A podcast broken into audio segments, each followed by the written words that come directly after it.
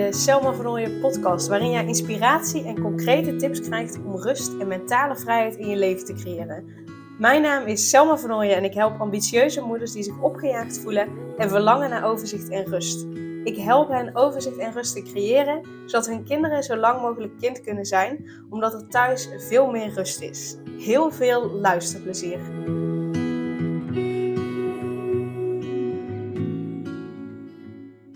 En in deze aflevering beantwoord ik een, eh, hele leuke vraag die ik heb gekregen van een van de luisteraars. Ehm, die had een vraag gesteld en toen dacht ik, leuk, daar neem ik gewoon even een podcast over op. Want die vroeg aan mij, hoe en wanneer wist je waarom je ondernemer wilde worden? En dat is misschien wel een leuk verhaal die ik eigenlijk uh, nou, in deze podcast nog niet heb verteld. En gewoon überhaupt nog nooit heb verteld, denk ik. Maar ik heb... Ik heb mijn HAVO-diploma gehaald toen ik 17 was. En uh, ik, sommige mensen weten echt precies wat ze willen. Uh, en ik, het enige wat ik toen wist was, nou, ik wil iets met kinderen doen. Want toen had ik al zoiets ja, ik wil gewoon ervoor zorgen dat kinderen, uh, ja, gewoon lekker zo lang mogelijk kind kunnen zijn. En dat kinderen niet hetzelfde hoeven mee te maken als ik. Of in ieder geval, als ze het meemaken, dat ze dan de juiste begeleiding krijgen, zodat ze er zo snel mogelijk uitkomen. En uh, even heel in het kort, wat bedoel ik met uh, dat ze niet hetzelfde meemaken als ik. Nou, toen ik 17 was, wat ik toen had meegemaakt, was dat mijn ouders gingen scheiden. Uh, mijn vader had vrij snel een nieuwe vriendin. Na anderhalf jaar bleek dat zij ziek was, had ze kanker. na nog eens anderhalf jaar overleed zij. En ja, mijn vader zat natuurlijk helemaal in zak en as. En zij overleed toen ik in mijn examenjaar zat. Dus ik heb toen ook een, nou, je doet natuurlijk je eindexamens, maar dat hele jaar door dat doe je in de toetsweek. zijn niet gewoon toetsen, maar dat zijn al officiële examens. Dus die ook al meetellen voor het examen, zeg maar. Ik weet niet hoe dat nu nog is, maar dat was toen in ieder geval. En die mocht je ook gewoon echt niet missen. Maar goed, zij overleed precies in de week, in mijn toetsweek, zeg maar. Dus die moest ik uiteindelijk nog inhalen. Um, maar goed, ja, uiteindelijk heb ik gewoon uh, uh, ja, alles gewoon gehaald dat jaar gelukkig heb mijn diploma gehaald, waardoor ik dat niet over heb hoeven doen. Maar in ieder geval, um, dus dat was in mijn uh, ja, examenjaar. Ja, en tuurlijk, hè, het was al shit dat mijn ouders gescheiden waren. Maar ja, wat ik ook nog eens deed was um, ja, de, het, huishouden bij mijn vader thuis. Dat deed ik al uh, een tijdje. Maar toen ging ik alleen nog maar harder werken, omdat ik dacht van ja, hoe meer ik mijn vader kan ontlasten, hoe beter. Uh, want dan uh, heb ik in ieder geval het gevoel dat ik iets kan doen. Heb ik in ieder geval het gevoel dat ik hem iets gelukkiger kan maken. Maar onbewust had ik het op me genomen om ervoor te zorgen dat, ja, dat papa weer gelukkig werd. Ik, ik, nam dat echt als mijn verantwoordelijkheid op me. En dat had ik toen niet door. Dat had ik pas achteraf door. Toen hij een nieuwe vriendin kreeg, toen, toen was hij echt van de een op de andere dag voor mijn gevoel van echt zich heel kut voelen naar uh, ineens gelukkig. En dat deed mij zoveel pijn, want ik dacht echt, hallo, ik heb zo hard gewerkt om jou gelukkig te maken. En nu hoeft er alleen maar een andere vrouw in jouw leven te verschijnen en je bent ineens gelukkig. Um, hallo, wat beteken ik dan voor je? Dus dat, daar kwam ik toen pas achter dat ik dat dus blijkbaar op me had genomen. Um, maar goed, dus, dus dat stukje van uh, mijn ouders die scheiden waren. Mijn vader, die, uh, ja, de vriendin van mijn vader, die anderhalf jaar ziek is geweest en toen uh, overleed. Um, dat was wat ik wist. Ik wil kinderen helpen, kinderen beschermen, um, kinderen vrij laten opgroeien. Dat wist ik. Maar um, ik wist niet met welke opleiding. Dus ik had verschillende opleidingen bekeken. Uh, ik heb zelfs een dagje meegelopen of een ochtendje of zo meegelopen in de verpleging, zeg maar. Maar ja, dat was het ook gewoon echt niet. Dus het enige wat ik uiteindelijk wist was: oké, ik wil iets met kinderen doen. En ik heb pas in de zomervakantie, dus ik had mijn examens al gedaan, volgens mij echt net daarna of zo pas. Toen pas ontdekte ik de opleiding pedagogiek. En uh, toen dacht ik, oké, ja, dit, dit is het. Dit is, dit is wat ik wil. Dus uh, mijn vader die vertelt altijd, ja, eens in zoveel tijd nog wel eens het verhaal dat ik ooit een keer van de opleiding huilend thuis kwam. En dat hij echt dacht, oh mijn god, wat is dit? Maar dat ik gewoon aan het huilen was van, van blijdschap, omdat het klopte. Omdat wat ik daar leerde, dat vond ik zo interessant.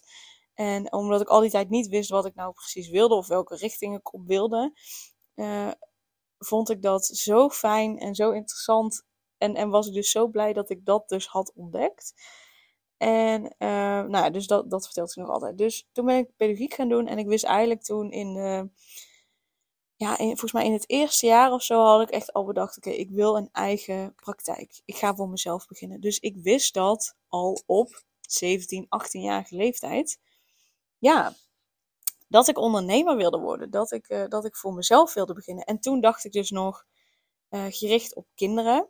Nou, tijdens de opleiding kwam ik er al achter dat echt, echt, zeg maar, met kinderen werken, vond ik, hmm, uh, um, ja, ik kon heel erg genieten van kinderen, maar, maar alleen maar met kinderen werken um, vond ik minder. Ik vind het vooral fijn als ik met mensen echt een goed gesprek kan hebben. En met kinderen kun je dat uiteraard ook, maar dat is echt op een ander niveau. En wat ik daarbij ook merkte was, ik kan nog wel zoveel met kinderen doen. Bijvoorbeeld, dan gaf ik sociale vaardigheidstraining en faalangsttraining. Ik kan nog zoveel met kinderen doen uh, in die tijd die ik met kinderen heb kan ik heel veel voor ze betekenen. Maar op het moment dat ouders dat niet door blijven pakken, andere volwassenen niet door blijven pakken, ja, dan is wat ik heb gedaan hartstikke leuk en waardevol.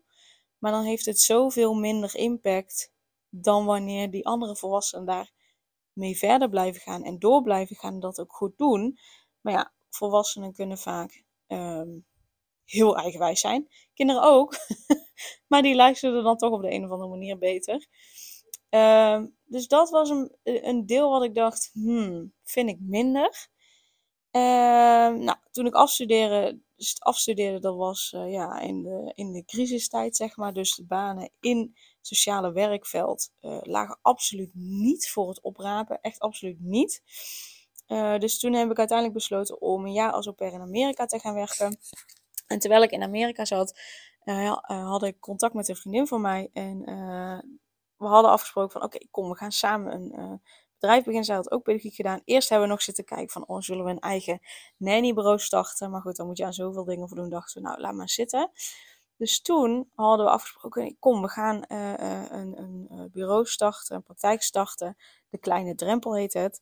Um, waarin we kinderen gaan helpen in scheidingssituaties. En ook kinderen die bijvoorbeeld te maken hebben gehad met het overlijden van een dierbare. Maar we begonnen met uh, kinderen helpen in scheidingssituaties.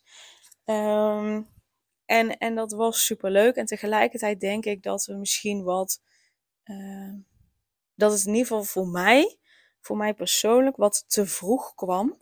Omdat ik echt ja, mentaal gezien um, totaal nog geen ondernemer was. Totaal niet wist wat ik aan het doen was. Totaal niet wist wat ik precies moest doen. Ik deed net alsof ik dat wel wist en dat ik dat heel goed deed. Maar, maar echt, zeg maar echt aan klanten komen, hoe je klanten kon werven, uh, dat soort dingen, dat was andere koek. Nou, en uiteindelijk um, ja, zijn we ermee gestopt. En dat had er onder andere mee te maken dat um, je hebt, uh, landelijk gezien, heb je de ja, organisatie Kies, kinderen in echtscheidingssituaties. En die waren al een stuk groter. Die hadden ook al um, ja, subsidie geregeld, zeg maar. Dus op het moment dat kinderen in scheidingssituaties waren, dan ja, konden ze naar Kies toe gaan. Of Kies kwam op verschillende scholen. En um, ja, daar hoefden ouders niets voor te betalen. En dat was toen precies die transitie eh, van de jeugdzorg. Dus dat het niet meer bij de overheid landelijk geregeld werd, maar bij de gemeente. Uh, dus wat je moest doen was een contract aangaan met de gemeente. Nou, we zijn bij zo'n informatiedag geweest. Uh, wij hebben daar echt gekeken van waar moet je aan voldoen. Nou, dan moet je aan bepaalde kwaliteitseisen voldoen. Maar om die kwaliteitseisen te kunnen realiseren, moest je soms echt gewoon een paar duizend euro uh, neertellen. En dan was je er eigenlijk nog niet helemaal, volgens mij, van verzekerd dat het goed zou komen en dat je dat je überhaupt klanten uh, zou krijgen via de gemeente. Maar ook dat je een contract zou krijgen via de gemeente. Dus nou, op een gegeven moment waren we eigenlijk zo ontmoedigd dat we dachten van nou, we kunnen er misschien maar beter mee stoppen. Dus daar uh, zijn we mee gestopt. En toen had ik voor mezelf besloten van nou, weet je, ik ga me wel op volwassenen regelen. Uh, op volwassenen focussen. Uh, want die betalen het sowieso uh, zelf. Um, die zijn misschien dan ook meer bereid om daarvoor te betalen of zo. Ja, omdat het natuurlijk voor kinderen kies al was. Um, dus toen ben ik me op volwassenen gaan richten. En toen heb ik me eerst gericht op uh, mensen met een bore-out. Want ik werkte toen bij het UWV en ik had zelf last van een bore-out. En een bore-out was nog helemaal niet bekend. Is nog steeds niet zo heel erg bekend. Maar een bore-out um, komt van het woord boring in het Engels, dus verveling. En uh, een bore-out geeft dezelfde symptomen als een burn-out. Dus je kunt er futloos, lusteloos van worden, moe, uh, um, ja, stressklachten eigenlijk van krijgen. Terwijl de oorzaak niet is te veel stress door te voldoen en te hard te werken, maar stress door of geen voldoening te ervaren of uh, te weinig te doen hebben. Soms kun je ook gewoon genoeg te doen hebben op het werk, maar er geen voldoening uit halen. Ook dan kun je een bore-out krijgen. Um, als er geen uitdaging in zit, bijvoorbeeld. Dus daar had ik me eerst op gericht. Heb ik ook klanten voor gehad, maar daarvan merkte ik van, nou ja, nee. Die klanten passen eigenlijk niet helemaal bij mij. Nou, en toen heb ik een hele ontwikkeling nog doorgemaakt. Uh, na nu uiteindelijk ambitieuze uh, moeders helpen. Dus dat, uh, ja, dat is bij reis geweest. Maar ik wist dus op mijn 17e, 18e al dat ik voor mezelf wilde beginnen. Dat ik uh, ondernemer wilde worden. En ik had toen totaal geen idee wat het inhield. Ik dacht, dat doe je wel even.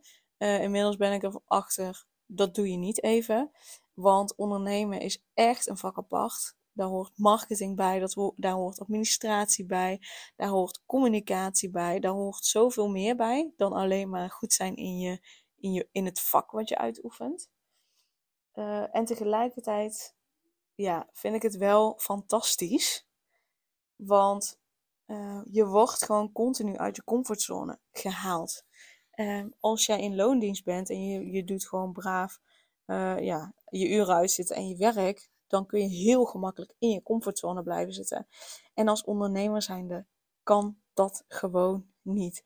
Wil jij dat je bedrijf goed blijft draaien? Wil jij ook je bedrijf laten groeien? Dan kun je gewoonweg niet in je comfortzone blijven zitten.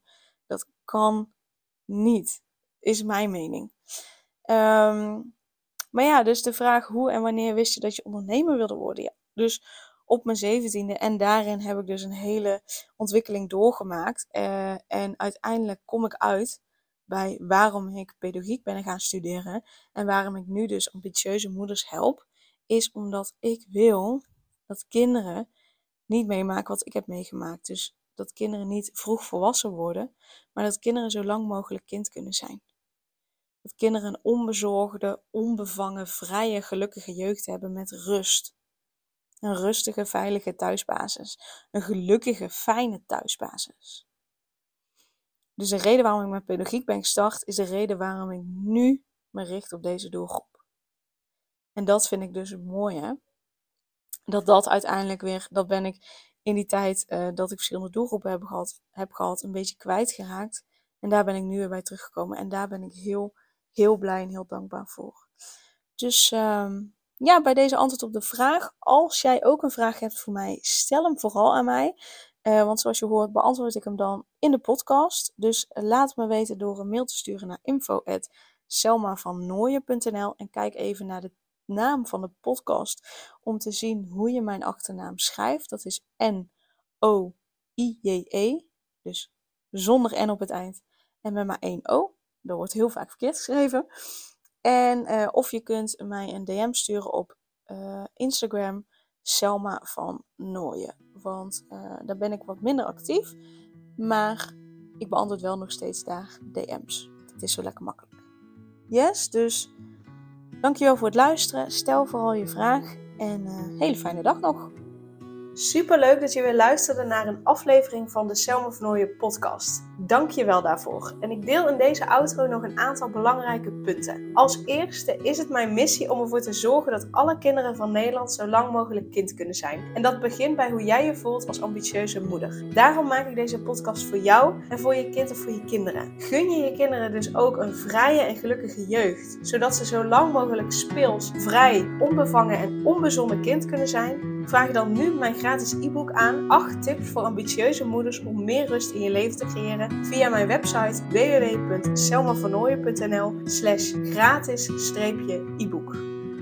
Ten tweede, wil je alle podcastafleveringen overzichtelijk onder elkaar en wil je als eerste op de hoogte gebracht worden als er een nieuwe podcastaflevering online staat? Abonneer je dan op de podcast door op de knop volgen, subscribe of abonneer te klikken. Ten derde, ondersteun je mijn missie en wil je ook helpen om alle kinderen van Nederland zo lang mogelijk kind te laten zijn? Laat dan een review achter in de podcast-app via waar je deze afleveringen luistert. Hoe meer reviews, hoe beter de podcast vindbaar is en dus hoe meer ambitieuze moeders en hun kinderen ik kan helpen. En tot slot, ken je andere ambitieuze moeders voor wie deze podcast interessant zou zijn? Deel dan gerust een aflevering met hen of deel een screenshot van deze aflevering op je social media en tag mij daarin. Wil je mij een vraag stellen of contact met mij opnemen? Dan kan dat via info.selmavernooien.nl of via het Instagram account Selma Nogmaals, super dankjewel voor het luisteren en tot de volgende keer.